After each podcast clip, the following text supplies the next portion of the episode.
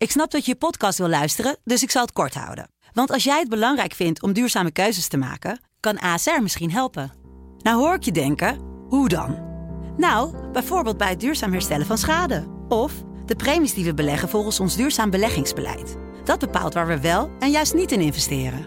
Wil je meer weten over welke duurzame keuzes ASR maakt? Ga dan naar asr.nl/slash duurzame keuzes. ASR doet het. Zo, dan kan je nu lekker naar je podcast luisteren. Dit is Kwestie van Centen, een podcast van de Financiële Telegraaf. Met Martin Visser en Herman Stam. Martin, we zijn weer uh, op afstand van elkaar aan het uh, werken. Jij in de studio in Amsterdam en ik uh, vanaf mijn thuiswerkplek. Voor, nou ja, de week is bijna om. Ik denk ja, lekker wel eigenlijk trouwens zo met je, jezelf op afstand. ik denk dat mensen blij zijn van nou, dit was week 1. Maar nu is de grote vraag, wat moet je in het weekend doen? Want daar is ook niet veel uh, te gebeuren. Ik weet niet, uh, hoe gaat het bij jou? Uh, wat, ga je doen dit weekend? Want het is een heel hectisch weekje voor je geweest. Hè? Ja, ja, ja. Ik, um, ja, het is natuurlijk wel, natuurlijk wel lastig. Omdat gewoon, ja, je komt natuurlijk nu tot de ontdekking dat eigenlijk alle leuke dingen gewoon gestopt zijn. Qua concerten, restaurant, café. Natuurlijk kan je naar buiten. Ik weet eerlijk gezegd ik heb geen idee wat voor weer het wordt. En ik zou, zou dit weekend nog meerdere dingen voor radio en tv doen. En het ene en de ander zegt, oh, dat gaat toch niet door. Dus valt ineens hele zaterdag vrij. Nou, eigenlijk wel lekker we zullen wel zien. En het nieuws zal op een zekere manier ook wel weer doorgaan. Dus uh, ik voel me vooral mhm. een soort verslaafde van mijn eigen telefoon. Uh, ja. uh, maar goed, dat is een beetje eigen aan ons, aan ons vak. Maar dat geldt heel veel mensen. Iedereen wil natuurlijk precies op de hoogte blijven van het laatste coronanieuws. Je kijkt maar naar de kijkcijfers van al die programma's. iedereen wil allemaal informatie, informatie, informatie. Dat gaat ook in het weekend gewoon door. Ja, je loopt uh, van ochtends vroeg uh, tot s avonds laat bij op één, noem maar op. Maar uh, als je nou zo'n zo week een beetje terugkijkt, hè, weet, je bent ook altijd een beschouwend mens. En, Martin Visser kennen, daar zit hij morgen even rustig te bedenken. Wat is er nou eigenlijk allemaal gebeurd deze week? Ja. Wat heeft het meeste impact op je gemaakt? Um, even kijken hoor. ik vond um, de speech van Rutte. Ik moet even nadenken of het nog wel deze week was, joh, maar dat was maandag. En ehm, nou ja, toen kwam het ook, nog eens een keer opnieuw of sterker besef door dat het hebben over iets wat echt een hele lange termijn heeft. Waarvan we natuurlijk niet weten of alle maatregelen die genomen zijn ook allemaal even ook zo'n lange termijn hebben. Dat, dat weten we natuurlijk niet, bijvoorbeeld van de scholen. We bereiden de kinderen thuis al op voor dat het met drie weken schooldicht waarschijnlijk nog niet gebeurd is. Um, dus dat heeft wel impact gemaakt. en gaandeweg ook in het contact met allerlei, ja, ook het contact met allerlei mensen. Um, uh, gewoon vanuit mijn werk, uh, voor de krant, maar inderdaad ook voor radio en tv de dingen die ik mocht doen. Dat je dan eens met een minister zit en dan eens met een CEO. En dat je ook van heel dichtbij voelt hoe enorm het erin hakt. Dus dat is dan niet zozeer de gezondheidskant, want die heb je natuurlijk ook nog. Dat is dan vooral de economische kant. Ja, en, het, en, het, ja, ik heb steeds de neiging om dit te vergelijken met de kredietcrisis. niet omdat de, de, de, de, de gang van zaken hetzelfde is, dat is namelijk totaal anders. Maar wel uh, de impact misschien. En het, het nare en het vervelende wat hierbij komt kijken, is dat het niet ver weg is. De kredietcrisis was toch iets wat je in eerste instantie kon aanschouwen. En dan ging het over geld. Ik bedoel, niet onbelangrijk. Maar dit gaat ook over gezondheid. En dit gaat ook over het sociale. Dat vind ik ook wel. Eh, dat merkte ik ook de afgelopen week. Uh, allerlei mensen die je dan spreekt of ontmoet. Dat je elkaar niet eens meer een hand kan geven om elkaar voor te stellen. Je houdt fysiek afstand is pas een week, maar het, de, de, impact die dat heeft om ook op, in, sociaal opzicht ook echt afstandelijk te moeten zijn, dat, dat, dat is me erg opgevallen. Denk, ik, ik probeer me voor te stellen hoe het is als je het een aantal weken of maanden zou moeten blijven doen. Ik kan me er eerlijk gezegd geen voorstelling bij maken. Ja, je ziet ook hè, nu het aantal doden weer, eh, de nieuwe cijfers weer bekend. Ik geloof bijna een dode per uur in Nederland. Uh, ja, uh, je, je, je, noemde die, die speech van uh, minister, premier Rutte, sorry, ehm, aan het begin van de week. Wat heb, vond je daar dan vooral ook wel de persoonlijke dingen die erin zei, of ook wat hij vertelde eigenlijk over de economie? Is, wat, nou ja, vooral, vooral ook over de economie heeft hij wel wat gezegd, maar niet heel erg veel. Dat werd natuurlijk een dag later op dinsdagavond ook uitgewerkt door de, de drie vakministers. Um, maar wel dat je, uh, nou ja, hij, zet natuurlijk duidelijk de verschillende strategieën op een rij. Nou, daarna is er heel veel discussie ontstaan en voor mij ook wel wat verwarring. Uh, maar goed, dat is misschien meer iets voor, voor, eh, voor, voor de meer medisch onderlegden om dat allemaal precies te kunnen analyseren. Maar wat me daar wel bij bijbleef, is toch weer de, de, impact en de omvang van de problematiek. En het is natuurlijk zo, ik bedoel, en dat vertaal ik natuurlijk, vertaal ik nou, niet, natuurlijk, maar dat vertaal ik in ieder geval voor mijn werk naar het economische zolang als de gezondheidsproblematiek niet is opgelost, zolang de pandemie niet wordt ingedamd, zal de economische eh, impact ook heel groot zijn. En wat je natuurlijk nu hebt gezien, ehm, is dat we eigenlijk een extreem korte tijd een totale bevriezing van de Nederlandse economie hebben gezien. En natuurlijk niet alleen in Nederland, maar ook van andere landen. En dat is zo'n bizar scenario. Ehm, ja, daar spreek ik natuurlijk over met, uh, met uh, nou, of met de minister, of met Hans de Boer van de werkgevers, of met ondernemers, of met de vakbonden. Nou, dat is een ongekend scenario. Eh, ja, waarvan we tot voor kort zeiden van, nou ja, het is misschien heftig, maar we weten één ding zeker, het is tijdelijk. Ja, en nu, nu begint dat tijdelijk ook een beetje een ander perspectief te krijgen. Hoe tijdelijk is dit helemaal? En hoe lang kan een overheid een economie overeind houden die eigenlijk tot stilstand is gekomen? Hoe doe je dat eigenlijk in die uh, persoonlijke contacten? Want ik weet uh, dat je nu de minister Koolmees uh, hebt geïnterviewd. Hè, ja. Sociale zaken ben je voor naar Den Haag gegaan. Ja. Nou ja, een hand ga je hem niet geven, denk ik. Nee. Maar op wat voor afstanden zit je met hem? Nou ja, gewoon inderdaad ruime afstand. Heb een grote ronde tafel. En dan zat ik en een woordvoerder zat daar. En dan zit je allemaal toch wel... ik zat denk ik misschien wel, wel, wel, wel twee meter of drie meter bij hem vandaan. dus dat probeer ik echt wel in de gaten te houden. En, en ja, in ieder geval in de, in de de settings waarin ik kom, doet iedereen dat. Uh, dus het is heel raar. Bro. Ik had dat, had dat van de week bij Op 1 ook. Dat was dan uh, uh, een keer met, met, met de minister van Economische Zaken, met Wiebes, maar ook een keer met de baas van KLM. En dan sta je dan naderhand nog even na te praten in een vrij ruime kring. Bro. Dan sta je echt bewust fysiek op afstand. En tegelijkertijd gaat dat gewoon door. Hè? Bedoel, je kunt je, ik, je zit, ik zit me ook steeds weer af te vragen van is het wel logisch om allemaal te blijven doen of, of niet? En, het, en eigenlijk allemaal afspraken zijn, zijn allemaal afgezegd. Gewoon één voor één werden alle afspraken afgezegd. Dus alles telefonisch, behalve deze schaarse dingen zijn er nog echt gewoon fysiek. Uh, ook het interview met Koolmees. Heb ik nog even overlegd, wat willen jullie doen? En toen was toch het idee van liever gewoon fysiek. Uh, want dat levert altijd een beter gesprek op. Uh, dus met de beperkingen. Maar dat is eigenlijk uitzonderlijk dat ik dan vandaag weer even op pad ben gegaan om iemand te interviewen. Dat verder is het allemaal telefonisch en ik, ik app mijn ongeluk. En je merkt ook dat, dat ieder, iedereen makkelijker benaderbaar is. En uh, ja, je zit op een manier, je hebt allemaal je eigen rol, maar je zit wel een beetje met elkaar in hetzelfde schuitje. Dat vind ik ook wel bijzonder. Ja, wat uh, liet uh, Koolmees nog iets los over hoe erg zorgen die zich maakt. Je zag natuurlijk minister Bruins die afgetreden is, gezondheidsproblemen. Nou, daar hebben we het ook over gehad. Ja, zelf daar ook naar. Als, nou, we hebben het wel over, over Bruins gehad en hij zei ook wel dat het echt wel inhakt. Dat, het, dat, het, ja, dat hij er erg van geschrokken was en ook overvallen werd door, door het, volgens door het aftreden van, van Bruins. Dat hij dat niet zag aankomen. hij, hij dacht, zoals misschien menigeen dacht, nou, Bruins moet even op adem komen een avondje en dan kan hij weer. Maar dat was blijkbaar niet zo. Blijkbaar was de impact nog veel groter. Dus ja, daar schrok hij wel van. Ja, daar heb ik ook even over gehad. Van eh, hoe gaat het met je kinderen? En, en, en ziet u nog wel eens? En bedoel, ja, dan kan je zeggen, dat is een relatief klein leed. vergeleken met mensen die echt door corona getroffen zijn en ernstig ziek ervan zijn geworden. Maar je ziet natuurlijk dat een, ja, ja, dit zijn natuurlijk wel de mensen die, die, die nu de strategie moeten uitzetten. Die met elkaar als, als regeringsploeg natuurlijk ook verantwoordelijk zijn voor eh, hoe we dit nu aanpakken in Nederland. Dan wel aan de medische kant, dan wel aan de economische kant. Dat is natuurlijk een zware verantwoordelijkheid.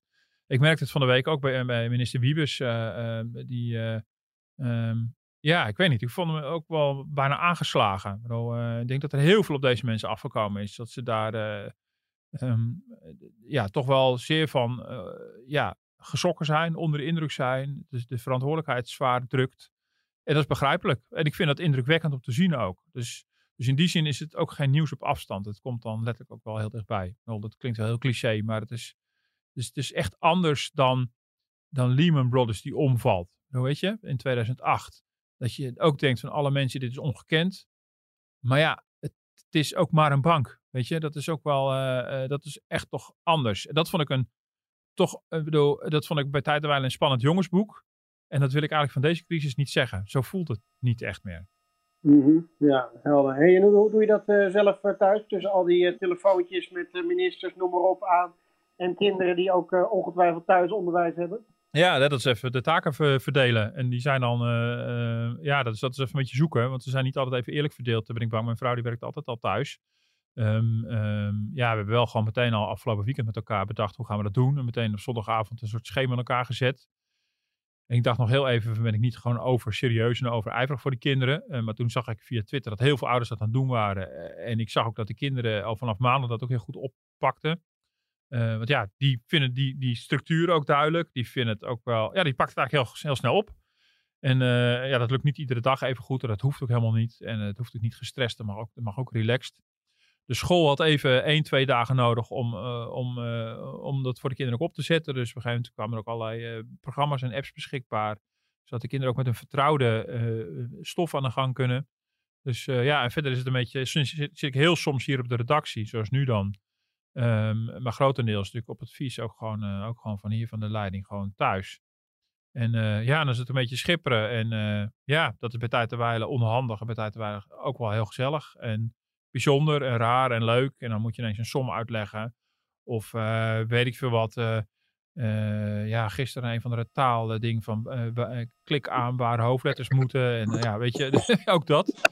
Dus, je, dus ja, bij, je leert nog bij. Op je leert bij en alles loopt door elkaar heen. En het is ook bijzonder, je zit met elkaar in hetzelfde schuitje. Ik, ik interviewde ook deze week samen met collega Maria, de baas van APG, de grootste pensioenuitvoerder van het land. Die ook een beetje iets schetste van ja, die doen heel veel videoconferencing. Ja, je krijgt een leuk inkijkje in allerlei wonderlijke keukens, onopgeruimde studeerkamers kinderen die door het beeld heen uh, schuiven. Of vaders die woest uit beeld rennen omdat hun zoon eens op Netflix gaat. Waardoor de video uh, het bijna niet meer trekt. Ja, weet je. Dus iedereen zit in hetzelfde schuitje. Het is een bizar, wonderlijk groot thuiswerkexperiment. En het is lekker rustig op de weg. Als je nog de weg moet, is het echt ja, ja.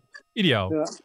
Ja, vorige, week, vorige week hadden we in de podcast dat het vooral natuurlijk ja, hoe snel de tijd gaat, hadden we het ook heel lang stuk over dat hamsteren. Dat was toen heel erg de discussie van wie. Uh, ik werd nog betrapt, want ondertussen ging mijn bel en werd er ook wat aan de deur gebracht. Ja. Mij tijdens de maar dat lijkt wel een beetje uh, rustiger te worden. Ik zag net weer een oproep van premier Rutte van stop er nou mee, het is achterlijk en je loopt ook nog mensen in de weg die in de zorg werken en die gewoon daar hun spullen willen kopen na een lange dag werken. Ja. Merk je het al een beetje dat dat iets een bekoel is? Ja, nou, ik vind het beeld nog wel wisselend hoor. Ik bedoel, uh, misschien is, is de heftigheid er een beetje af, maar voor mij wordt er nog wel degelijk gehamsterd. En wat je in ieder geval ziet is dat uh, ja, het is zo hard gegaan dat, dat supermarkten dat natuurlijk niet binnen een dag weer allemaal op, op voorraad hebben. Ik bedoel, ik merk nu nog dat, dat er gewoon van alles nog wat op is. Ik bedoel, dat vind ik wel uh, bizar. Overigens, ik, de, de, de, online boodschappen, die deden het bij ons allemaal gewoon weer. Dus morgenochtend zullen we zien of dat ook allemaal bezorgd wordt, of dat allemaal lukt.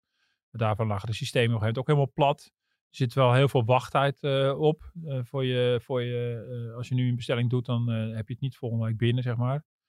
Um, dus, dus nee, het is nog niet. die, dat is van, vanmorgen wat grote advertenties van alle drogisterijketens. Die ook mensen waarschuwen. Ga ook niet allerlei paracetamol en weet ik wat allemaal zitten hamsteren. Uh, dat moet allemaal niet. Het is niet voor niks dat, dat zowel Rutte als uh, Wiebus van de week ook, om mij donderdag, ook een soort werkbezoek hebben gedaan aan supermarkten. Met een beroemde citaat nu al van, uh, van Rutte. We kunnen nog voor een jaar, voor tien jaar poepen. Want hij had even nagegaan. Heel chic. Hoe heel chic. Ja, dat is dan. ja, dus ik zag op Twitter al van sommigen zeggen: I have a dream. Of ik ben een Berliner. En wij, hebben, wij kunnen tien jaar poepen. Dat is onze premier. Nou, ik uh, vind het fantastisch. Lekker Hollands toch? Precies, ik vind het geweldig. Nee, dus in die zin is die, die angst is nog niet geweken hoor, bij de detailhandel uh, volgens mij. En als er weer nieuwe maatregelen komen, komt het ongetwijfeld weer terug. Dat is toch, ja, het is toch, ja, het is vanuit de individu gezien is het begrijpelijk. Het is alleen voor het collectief is het heel slecht. En het is natuurlijk voor, ja, voor verpleegkundigen, ja, dus dat krijg je natuurlijk ook een beetje. Ik bedoel, de, dezelfde mensen die om acht uur s avonds applaudisseren voor de zorg uh, ja, hebben, hebben de, de, de, de dag, uh, diezelfde dag hebben ze de supermarkt leeggehaald. Ja, weet je, dat voelt voor die verpleegkundige ook niet lekker. Dus dat zit iets heel dubbels in iedereen. Ja, helder. Hey, ik wil een hele hoop nog met je bespreken qua onderwerpen. Maar de tijd is op. Uh, maar, ja, nee, nee toch niet. nee, waar ik vooral even naartoe wil, want dat vind ik zelf altijd belangrijk op zo'n podcast. Dat je er ook wat van, van opsteken van, hé, hey, dit geldt nou voor mij. Ja. Je hebt natuurlijk twee groepen, hè, de, de, de, de werknemerskant ja. en de werk de ZZP'ers, moet uh, zeker ook niet vergeten, zoals nee, minister nee, nee. dus um, zullen we eens proberen, want er zijn natuurlijk allerlei regelingen aangekondigd. En ik denk dat mensen best wel een beetje daar verward door zijn van waar kom ik nou voor in ja, het is veel, hè? Wat ja. is er op tafel? Ja. Uh, om eens eerst eens even door te nemen van nou, uh, gewoon eens eventjes uh, wij, wij, de, de, werknemerskant, laat ik het zo ja. zeggen. De, de, werktijdverkorting wat we hebben langs zien komen. Ja. Maar wat, wat, is er besloten deze week? En in, op wat voor manier kan ik daar uh, gebruik van maken? Stel dat het bedrijf uh, in problemen komt. Ja, precies. Nou ja, het, het, het, het, um, het allerbelangrijkste is dat, het, dat, dat alle maatregelen die genomen zijn gericht zijn op het behoud van banen en inkomens. wat je eigenlijk gaat zien is dat het, dat het kabinet ervan uitgaat dat de economie als het ware bevroren wordt. Voor een groot deel. In de hoop natuurlijk dat als de coronacrisis voorbij is, dat we hem ook weer kunnen ontdooien. En dat het weer de draad oppakken waar we gebleven waren. Nou, dat is even de theorie. Um, dus willen ze voorkomen dat bedrijven natuurlijk gaan reorganiseren. Dat, daar is alles op gericht. dat betekent voor werknemers, werknemers hoeven in die zin zelf niet zo overdreven veel te doen, maar dat hun, als, als, als het werk daar wegvalt, dat hun werkgever dan werktijdverkorting kan aanvragen. Dat heet inmiddels, die, die werktijdverkorting was geëxplodeerd. Er was, was bijna 60.000 aanvragen voor gedaan. En nu is er een nieuwe noodregeling. Uh, noodregeling overbrugging werkgelegenheid heet het geloof ik. Koolmees wist zelf ook niet meer waar de afkorting precies voor stond. Zijn, zijn hoofd daar zit ook helemaal. Um, en dat, dat betekent, uh, A, dat als jouw werkgever dat aanvraagt, dat je werkgever 90% van, van jouw salaris van, van het UWV krijgt en dat die verplicht wordt. Wat, jou... hoger is, wat hoger is dan de regeling voor Ja, hè? ja en, wat, en hij wordt verplicht om, uh, om uh, 100% door te betalen. Dus dat is ook nieuw in de, in de werktijdverkorting was het wel zo dat heel veel werkgevers gewoon doorbetaalden, maar dat was geen verplichting. Nu is er een verplichting uh, voor werknemers, uh, voor werkgevers om 100% door te betalen. Dus 90% overheid, 10% de werkgever. Dus jij krijgt dus 100% doorbetaald. Um, uh, en als een werkgever gebruik maakt van deze regeling, mogen ze geen collectief ontslag aanzeggen. Dus er mogen geen ontslagen vallen. dus dat is voor een dus, dus ja, dat is eigenlijk de werknemerskant. Dus dat zou aan die kant uh, uh, geregeld uh, moeten zijn. Maar dan zijn we er nog niet helemaal. Want je hebt natuurlijk ook werknemerskant mensen die bijvoorbeeld voor een uitzendbureau werken. Ja, precies. Ja. Nou, je hebt natuurlijk de flexwerkers. De flexwerkers die geen WW-rechten ophouden, die vielen, vielen voorheen niet onder die regeling. De werktijdverkorting is echt een soort WW. Dat is overigens ook nog belangrijk om te vermelden. Dat vergeet ik inderdaad bijna.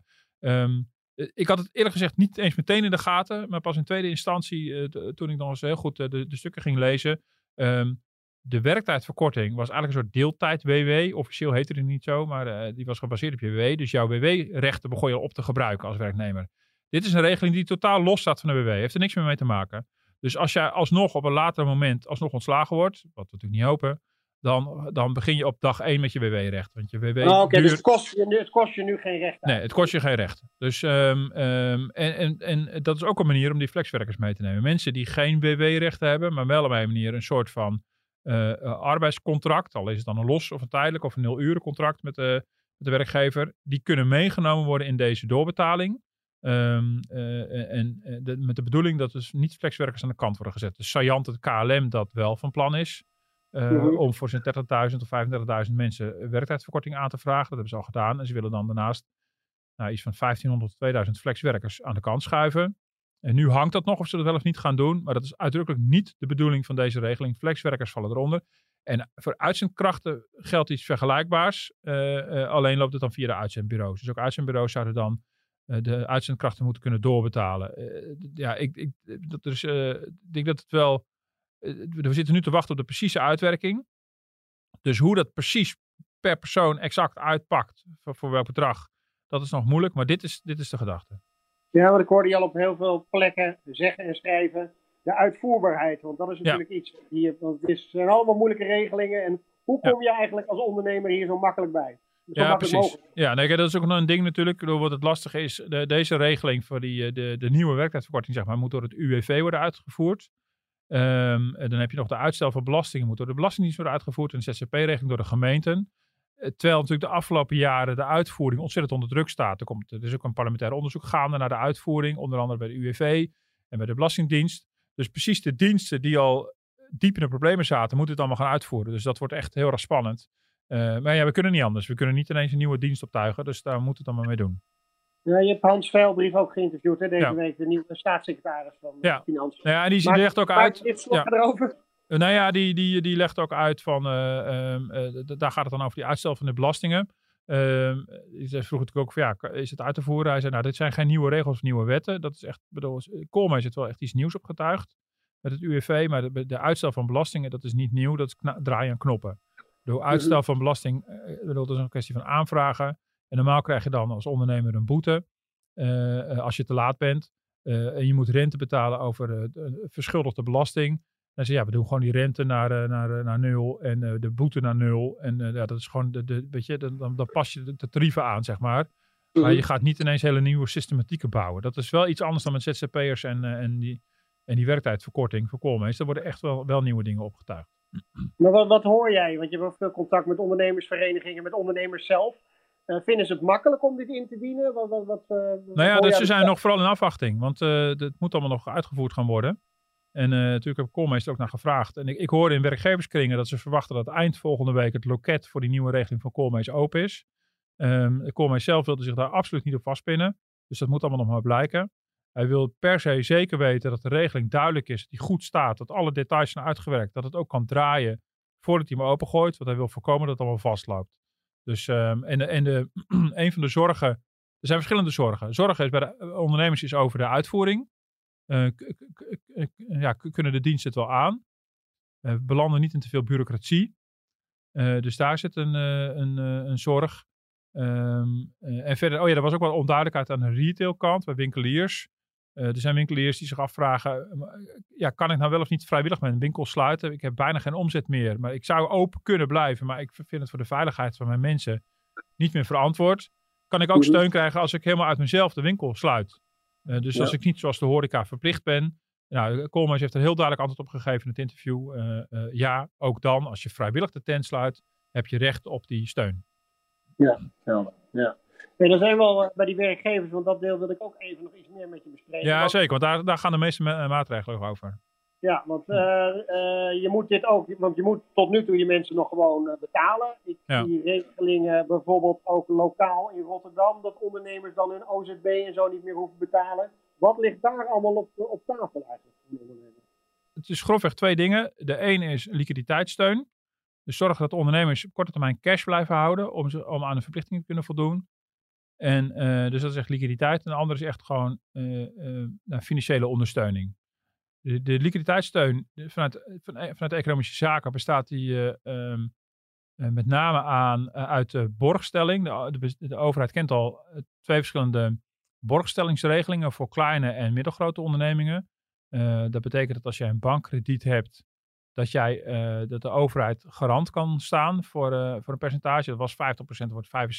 Dus de overheid staat voor een groot deel garant. Dat gaat via de bank. Overigens, daar zijn ook zorgen over bij ondernemers. Hoe, hoe makkelijk gaan banken daarin mee?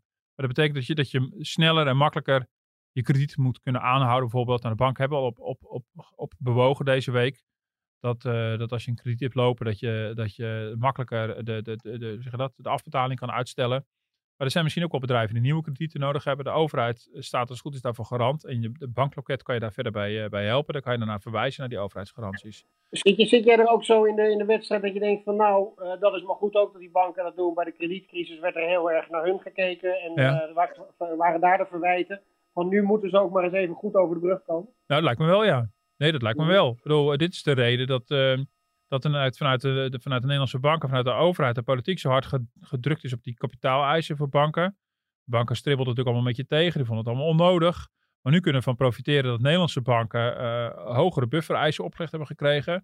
Dus als het goed is hebben ze meer vet op de botten. En nu moeten ze ook gaan handelen. Nu moeten ze die, die fraaie woorden over de maatschappelijke rol maar eens waar gaan maken. Dus nu uh, moeten ze als een sodemieter aan de gang.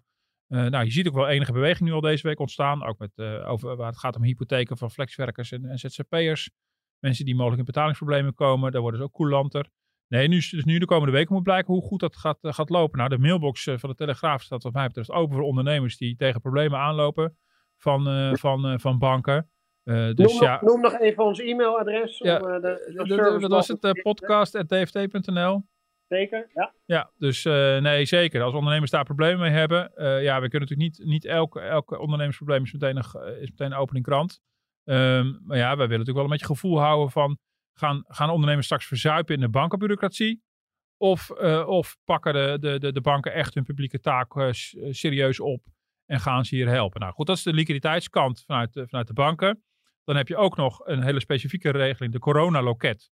Van, dat is heel specifiek bedoeld vanuit minister Wiebes voor ondernemers die rechtstreeks zijn getroffen door de overheidsmaatregelen. Als jij dus dicht moet van overheidswegen, dan krijg je uh, een, een, eenmalige 4000 euro. Dat moet allemaal nog opgetuigd worden voor wie dat precies wel en voor wie dat precies niet is. Goed, dat vind is ik niet zo lekker klinken hoor, corona-loket. Maar goed. Dus, uh, nee, ik weet ook niet of het officieel zo gaat heten. Maar okay. ja. Nee, het is een speciaal gedesinfecteerd loket. En, ja. nee, en dat is dus vanuit, dan heb je daarnaast nog, heb je nog de, belasting, de belastingkant, de financiënkant, de belastingdienst. Mm. Die biedt alle ondernemers en ZZP'ers de mogelijkheid aan van uitstel van, van belasting als zij getroffen zijn door de coronacrisis. Nou, dat, ja. dat ben je al snel als je in omzet daalt. dat betekent dat je alle vormen van belastingen kan, eh, kan uitstellen. Dat gaat om je omzetbelasting, dus je BTW, de, de, de, de loonbelasting, als je een salaris moet uitbetalen, de inkomstenbelasting, dat is voor IB-ondernemers die zelf inkomsten hebben, en de vennootschapsbelasting. Daarvoor kan je volgens de staatssecretaris met een simpel briefje uitstel aanvragen. Je, je btw-aangifte en je loonbelastingaangifte moet je wel blijven doen, vragen zij. Want die zijn echt weer nodig om alle gegevens up-to-date te houden voor, uh, die je weer nodig hebt voor andere regelingen. Dus, uh, maar je hoeft dat niet te betalen. Er is geen boete meer. Er is geen uh, terugvorderingsrente meer. en zo kan je dat voor drie maanden voorlopig allemaal voor je uitschuiven. Uh, maar je, moet wel dat briefje sturen. Het, het verhaal je moet... van je hoeft gewoon helemaal niks te doen. Nee, en dat, dat gaat niet op. Nee, er was ook wat verwarring over. Je moet wel een briefje sturen. Volgens de staatssecretaris is dat een simpel briefje. Je moet de Belastingdienst laten weten dat je uitstel wil. En dat wordt je dan automatisch verleend. Um, uh, maar dat gaat iedereen doen nu natuurlijk. Dat gaat nu iedereen doen. Uh, en aanvankelijk was het nog zo. in eerste instantie was het zo. Dan moet je ook meteen de bewijsstukken over, overleggen. Dus getekend door je accountant dat jij omzet terugval hebt door de corona. Toen werd het van de week zo met de staatssecretaris. Nee, dat hoeft pas na twee weken. Dus vraag het er vast aan. En dan heb je nog twee weken de tijd. Om dat, uh, en, en, nu kwam er weer. Nou, ik weet niet, was het gisteren, eerder gisteren? Ik, geen idee meer. Maar uh, ergens in de tweede helft van de week kwam er het bericht overheen van ook die bewijslast kom, kan op de lange baan. Dus ze willen uh, eerst gaan voor uitvoering en het controleren komt dan later. Dat is financiën. En dan nu weer terug naar sociale zaken. Daar hebben we dan natuurlijk weer opnieuw die, die nieuwe werktijdverkorting, die noodregeling, uh, weet ik veel, NOW heet het, NOW, overbrugging werkgelegenheid, dat is hem. En die is natuurlijk, ik bedoel, de werknemers merken natuurlijk, als het goed is dan niks, want je salaris wordt gewoon doorbetaald voor de werkgevers van belang. Je komt in aanmerking voor die regeling als je omzet met meer dan 20% is gedaald. Um, het is nu omzet gerelateerd. De werktijdverkorting was gerelateerd aan het aantal hoeveel het werkt. Dit is echt in je omzet gerelateerd. Dus je omzet met meer dan 20% omlaag gaat door de corona, is heel direct of, heel, of mag ook indirect, dan kom je voor een aanmerking. Uh, Dan mhm. hangt het van uh, de, je omzetderving af hoeveel recht je hebt. Uh, je had recht op, op via de WW op 70%, dat wordt dus 90%. Dat betekent dat als jij 100% omzetverlies hebt, bijvoorbeeld de kroegbaas, dat jij de overheid 90% van je loonkosten kan laten opnemen. Koolmees wil echt een koppeling maken met de loonadministratie die het UWV heeft. De UWV gaat dit uitvoeren. Je hoeft niet meer bij het ministerie te zijn. Dat moest eerst wel. Uh, het UWV voert dit uit. En dan komt er één op één koppeling met de, met, de, met de loonsom die het UWV, als het goed is, uh, heeft geregistreerd. En dan als je 100% uh, terugval hebt, dan, dan krijg je die volle 90% steun. En dan moet je de laatste 10% zelf, zelf bijbetalen. Heb je bijvoorbeeld 50% omzetverlies, dan krijg je natuurlijk 50% keer 90% steun. Dan heb je dus 45% steun. En dan, want ja, dan heb je ook nog mensen nog 50% aan het werk als het goed is. Um, en dan moet je het uh, ook, weer, uh, ook weer aanvullen. En dat is, um, even kijken. En daar is de gedachte dat ja, ergens in de komende weken dat loket open gaat. Dan kun je het aanvragen. Het geldt vanaf je omzet vanaf 1 maart. Dus met terugwerkende kracht. Uh, het maakt niet uit of je dat volgende week aanvraagt of de week erop. Het geldt altijd vanaf 1 maart. Bedoel, het is, je hoeft geen, er hoeft geen loketrun te komen. Het geldt hoe dan ook van 1 maart. Niet vanaf het moment van aanvraag. Dus dat is van belang. Um, en uh, je vraagt het eerst aan. Je moet zelf een schatting maken van uh, de omzetderving. Het UWV gaat dan een voorschot betalen van 80% van, uh, van het bedrag waar je recht op hebt. En het loopt voor drie maanden. En na drie maanden wordt op basis van je werkelijke omzet gekeken wat je werkelijke derving is geweest. En dan wordt de stand opgemaakt hoe, op hoeveel je echt recht had gehad. En dan komt er een moment van afrekening. En na drie maanden kan het mogelijk nog een keer verlengd worden met drie maanden. Ja. Nou, en dan is mijn kennis nu denk ik op. Nou, ik wil niet heel pessimistisch overkomen, maar dat klinkt wel als heel veel chaos bij dat soort diensten. Als ik alleen al de regelingen zo hoor. Maar goed. Um, dan, ja. Nou ja, um, ja, dat moet blijken. Dat weet ik niet. Dat, dat zal moeten blijken. Het is in ieder geval, um, uh, bedoel, ze, ze willen dat qua ICT natuurlijk helemaal op orde hebben. Ze willen het qua administratie heel erg op orde hebben. Uh, dat het ook gewoon echt helder is vooraf hoe gerekend gaat worden. Um, kijk, die omzetderving, die moet je in instantie moet je die schatten. Dat geldt ook als je een kinderopvangtoeslag bijvoorbeeld aanvraagt. Dat gaat nu op basis van vertrouwen. Je moet ook een schatting maken van hoeveel je dat jaar denkt te gaan verdienen en uh, hoeveel uren kinderopvang je hebt voor je kinderen. En dan wordt er een schatting gemaakt. Dat gaat hier ook werken. Het kan niet anders, omdat de economie eh, zo acuut tot stilstand is gekomen. Dat was mijn, mijn inschatting vooraf al. Je kan niet anders werken dan met een regeling waarbij aanvraag uitkering is. Aanvraag is uitkering. Je vraagt iets aan. Maar denk je, je niet, denk je niet ja, juist bij die zorgtoeslagen, vooral voor die uh, kinderopvang en zo, was juist dat het te streng werd gehandhaafd. En Ja. dat we nu misschien een beetje in een soort mode zitten van Ja. nou niet te streng zijn, want we hebben dat slechte imago. Ja. Dus nu weet ik voor wie allemaal misbruik ervan gaat maken. Ja, dat kan. Ja, ja dat wil je liever niet horen. Ik hoor het al wel. Nee, maar, ehm, nee, maar natuurlijk, het kan. Dus, ik bedoel, ja, eh, eh, dat, dat, dat, dat zal niet zoveel met ima- imago te maken hebben, eh, denk ik, als wel gewoon met, met de aard van de crisis, dat je gewoon domweg niet anders kan. Ik bedoel, want als je iedereen een molen instuurt van, we gaan het eerst allemaal controleren en kom over zes weken maar weer terug, dan vallen de eerste bedrijven gewoon om. Dat is gewoon heel simpel. Dus het, het kan niet anders, maar het zal wel... Het is natuurlijk wel bizar. Ik bedoel, de mentaliteit moet totaal veranderen. We zijn, we zijn terechtgekomen in een systeem dat helemaal gebaseerd is op wantrouwen. Dat, daar zijn we totaal in doorgeslagen. Eh, want we hebben ook een Tweede Kamer en we hebben een electoraat dat geen enkel geval van fraude meer accepteert. Dat pikken we gewoon niet. Dus eh, dan moeten de, de verantwoordelijken aan de hoogste boom. Eh, en nu gaan we overschakelen op een systeem van vertrouwen. Met onvermijdelijk een, een portie misbruik. Dat is, dat is onvermijdelijk. Dat kan niet anders. En we moeten vooral hopen dat als die afrekenmomenten komen later, dat het dan allemaal nog wel af te rekenen is. Ik bedoel, dat wordt ik, ja, dus, dus, ja ik, ik weet het ook niet. Ik bedoel, het, eh, als Nou, dit- en, en, en bovendien, je schetst dit beeld, hè, en eh, je hebt aan de ene kant, ik noem het nog gewoon maar werktijdverkorting. Dus ga je heel Mhm. veel geld extra uitgeven als overheid. Ja. Belastingen die juist niet binnenkomen. Hoe, hoe Ja. diep zijn de zakken van eh, minister Wopke Hoekstra? Kunnen we dit allemaal wel betalen? Ja, nou, eh, we, we kunnen betalen door nieuwe schulden te maken. Nou, er wordt steeds gezegd van we, we, we hebben geld zat, diepe zakken. Maar dat zijn natuurlijk wel schulden die we dan gaan maken. Dit pakket zou 10 tot 20 miljard kosten, ongeveer. Maar dat is ook maar een slag in de lucht, want het is gewoon bijna niet te berekenen.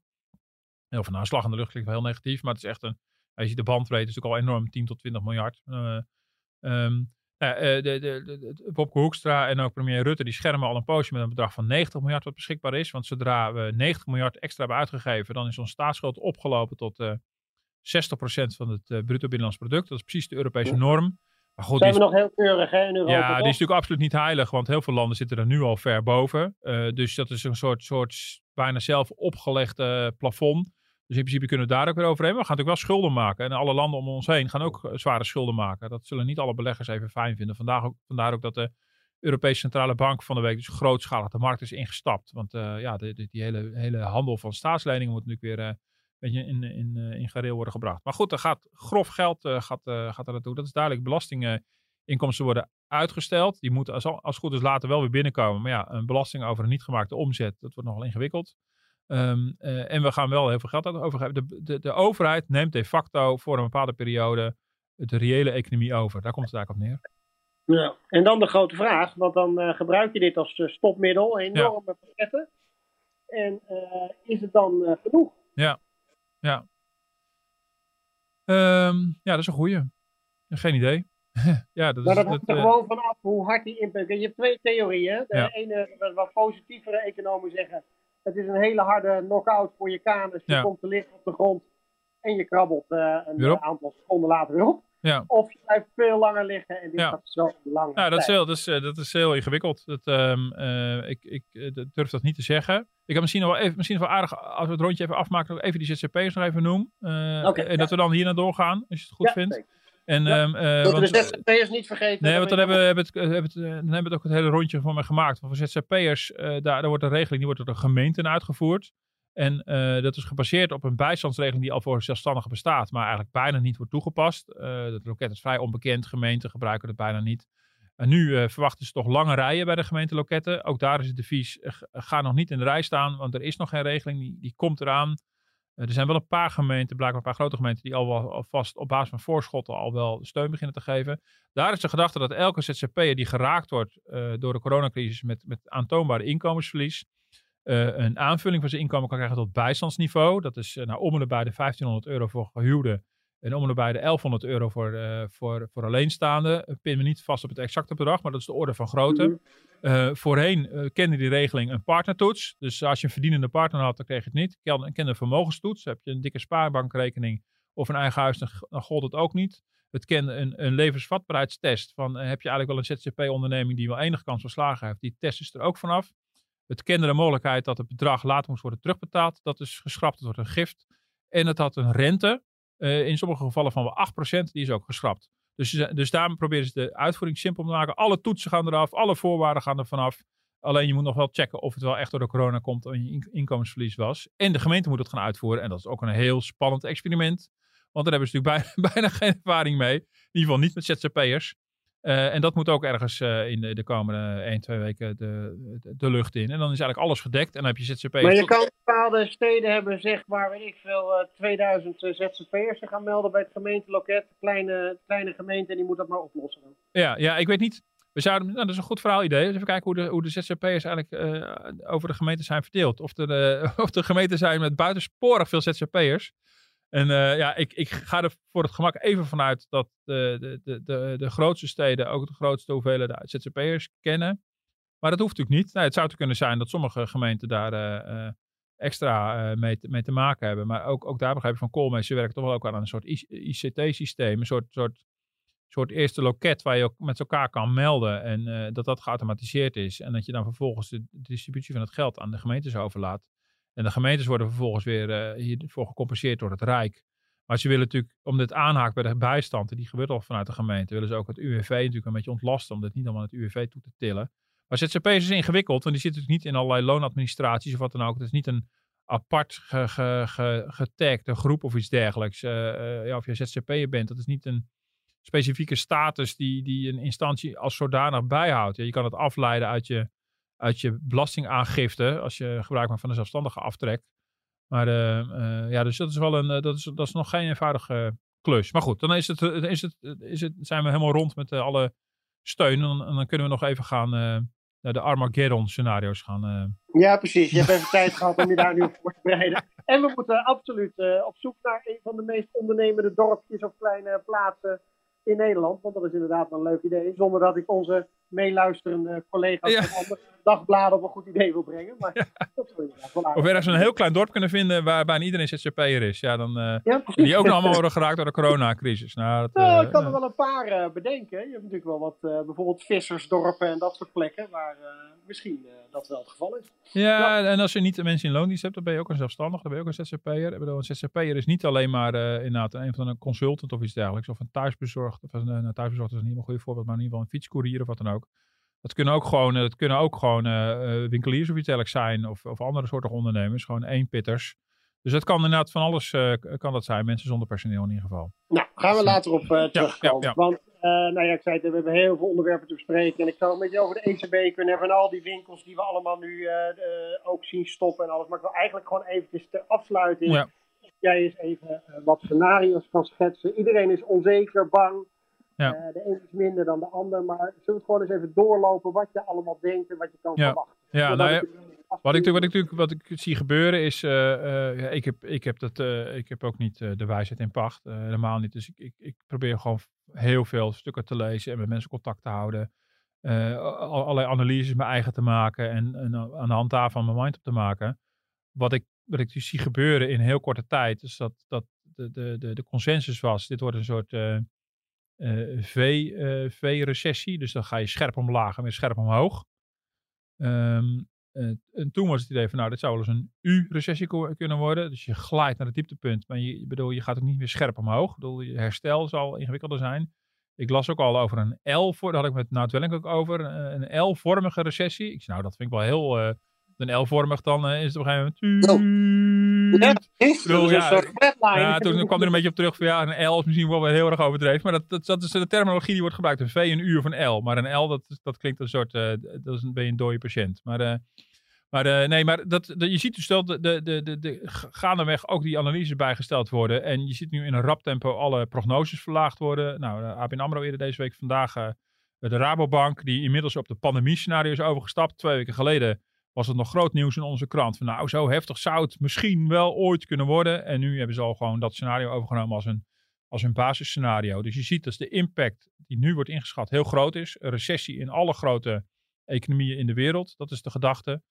Uh, ook in Nederland. In Nederland misschien wat minder heftig dan, uh, dan in Italië. Ook wat minder heftig dan in Duitsland is, is de gedachte. Maar de grote vraag is, hoe lang gaat dit duren? En die vraag heb ik ook een Koolmees voorgelegd. Ja, ja, die, ja, die, die, ja, die wist het ook niet. Ik, bedoel, ik snap het wel. Dat is ook niet zo raar dat hij dat niet weet. Dan kan je hem ook bijna niet kwalijk nemen. Maar dan zei ja, daar, daar hebben we gewoon nog helemaal geen tijd voor gehad. Ik zei, ik mag toch hopen dat jullie bezig zijn met scenario's. Want uh, ik vraag me af, hoe lang kan je als overheid nog die hele reële economie blijven dragen? Ja, dan het antwoord ja. dan, ja, we hebben 90 miljard en dan hebben we nog een beetje. Ik zeg, ja, maar het gaat niet om hoe lang je dat financieel kan, maar wat betekent het voor een economie als je drie maanden, zes maanden, negen maanden de, de, de, economie bevriest en dat allemaal maar blijft financieren? Wat, wat, en dan vraag ik me vooral ook af, uh, dus je, krijgt geen antwoord, maar vooral veel vragen. Dat zijn de vragen die mij nu bezighouden. Um, houdt het hiermee op, ook qua maatregelen? Ik denk het dus niet. Nou, dat, dat, dat, dat zie ik ook wel steeds vaak terugkomen in de commentaren.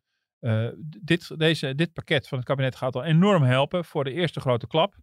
Uh, maar bijvoorbeeld een KLM als voorbeeld, ja, die, die zijn nu met zo'n maatregel zit geholpen voor hun loonkosten.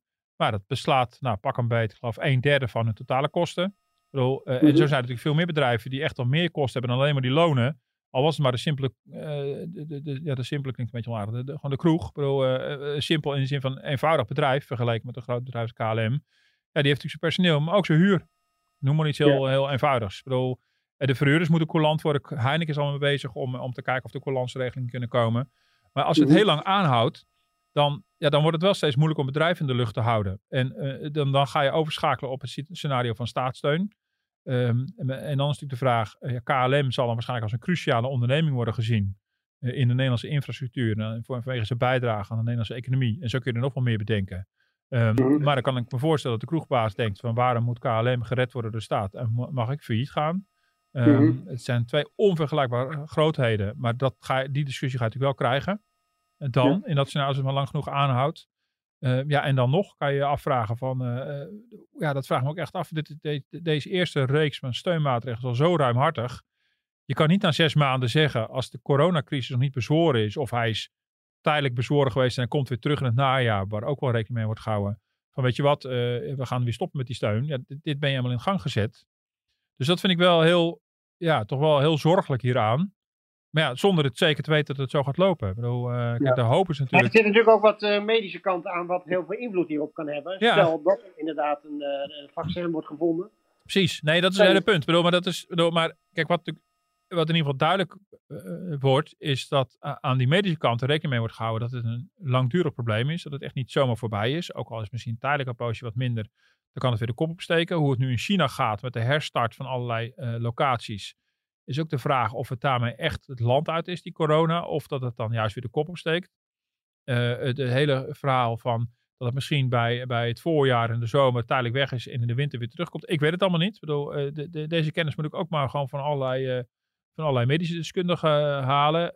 de gedachte dat de vaccin misschien ontwikkeld kan worden, maar echt niet nog dit jaar af is, dan wel in productie is genomen, dan wel zoveel voorradig dat iedereen daarmee geholpen is. Uh, dus dus de, de, de duur van de economische problemen hangt één op één samen met de duur van het, van, uh, van het gezondheidsprobleem. Uh, en dat maakt het wel ook wel een beetje eng. Weet je, en ik denk dat daarom ook die beurzen natuurlijk de afgelopen weken zo heftig hebben gereageerd. Nou goed, het mm -hmm. gaat, nu weer even, toevallig nu weer wat beter. Omdat ja. er gewoon een enorme kanonneninstelling zijn gebracht vanuit de centrale banken onder andere. Uh, maar ja, dat, uh, dan, dan nog, bedoel, uh, de, de, ja, de verlies op de beurs, als je naar kijkt sinds 1 januari, is natuurlijk gigantisch. En ja, daar is het besef ook doorgedrongen. Dit zou wel eens heel lang bij ons kunnen blijven. En hoe dat eruit ziet, geen idee. Of de bedrijven al die tijd in lockdown blijven. Want we hebben een discussie over lockdown, maar grote delen van de economie zijn ook al in lockdown. Dus het is, mm het is, het is Ja, we hebben een soort lijst op de redactie, maar dat is enorm wat er elk uur ongeveer bij komt aan bedrijven ja. die Ja, dat is ongekend. Het is ongekend. Ja. ja, en dat vind ik ook wel. We begonnen natuurlijk een beetje mee, hoe ervaar je dit? En, en uh, dat af en toe, uh, ja, dat, dat, grijpt soms ook wel naar je keel. Dat je denkt van, jemig, wat, wat is dit in vredesnaam? Nou, uh, en ik had dan, nou ja, ook gewoon privé wel contact met een aantal, aantal kennis en vrienden die ook bovenmatig in politieke economie geïnteresseerd zijn en ook probeer ook een beetje analyses te delen. Ik krijg ook datzelfde terug van waar, waar komen we in hemelsnaam in terecht? Wat, wat, wat, wat is dit precies? En, en snappen we dit nog? En hebben we hier nog greep op? En, uh, dus ja, ik weet het niet. Ik vind ook, ben ook weer terughoudend om, om, uh, om, om te zeggen, nou, dit gaat helemaal fout aflopen. Dat weten we gewoon domweg niet. Bedoel, het mooiste scenario zou zijn dat op een zeker moment in de meeste landen in de wereld dat, dat virus is ingedampt. En we met z'n allen opgelucht ademhalen en we de economie weer ontdooien. En, en, eh, en boef, alles komt weer tot bloei. En het gaan weer verder waar we gebleven waren. Ja, uh, laten we hopen dat het zo is, maar niemand die het weet. Ja, ja, waar ik zelf het meest om een beetje vrolijk af te sluiten, enigszins. Ja, eh, nog wel weer vrolijker van wordt, is dat je ook al die initiatieven ziet hè, van mensen die op een creatieve manier geld proberen te verdienen, Ja. elkaar te helpen. Ja. Nou ja, laten we ook zeker noemen de waardering die er nu veel meer nog is voor de zorg en Ja. voor mensen eh, weet je, in dat soort banen, de leraren, want iedereen zit thuis met zijn kinderen. Ja. En die denkt opeens, nou, dat is ook best zwaar, een paar van die kinderen de hele dag vermaken. ja maar wat, ik, wat ik doe tegelijkertijd, ik wil de feestvreugde niet bederven, maar eh, we gaan nu op, op vrijdagmiddag al, of nee, vrijdagochtend was het You Never Walk Alone op de radio draaien. Eh, met- met alle, alle radiozenders in Europa. En dat is al een prachtig moment. En applaudisseren op het balkon. En allemaal tot je dienst. Maar dit is voor ons pas week 1. Ik bedoel, hoe voelt het in week 4? En in week 9? En in week 13? Ik bedoel, staan we nog steeds te applaudisseren en You Never Walk Alone op de radio te draaien? Ik bedoel, eh, weet je, we zijn dus al heel snel toe aan, aan, aan dat, dat gevoel van saamhorigheid en iets moois terug doen en waarderingen uitspreken. Terwijl, het, bedoel, het, het, het, bedoel, het begint natuurlijk pas net. Dat is zo, dat vind ik zo moeilijk te, te, te voorzien, snap je? Maar goed, ik, eh, jij, jij moet even de stichtelijke wil af, afronding doen met een positieve noot. Want dat is aan mij dus vandaag niet besteed, geloof ik. Maar, Dat was mijn poging. Nee hoor, maar Ja. we hebben eh, ja, nog heel veel te bespreken. Maar ik denk dat we hier even moeten laten. Want we zijn ook allebei heel druk voor de krant en voor de website. Om weer eh, hard daarmee door te gaan. Want het, Ja. is, eh, het was me het weekje wel op het zo dank, hartelijk dank voor je tijd in deze, in deze drukke tijd. ja, jij natuurlijk ook. Voor onze luisteraars, het e-mailadres werd al even genoemd. podcast.dft.nl We staan graag in contact met u als u dit luistert. En als u vragen aan ons heeft. En u kunt ons ook beluisteren op iTunes en op Spotify. Eh, tot volgende week. Tot volgende week.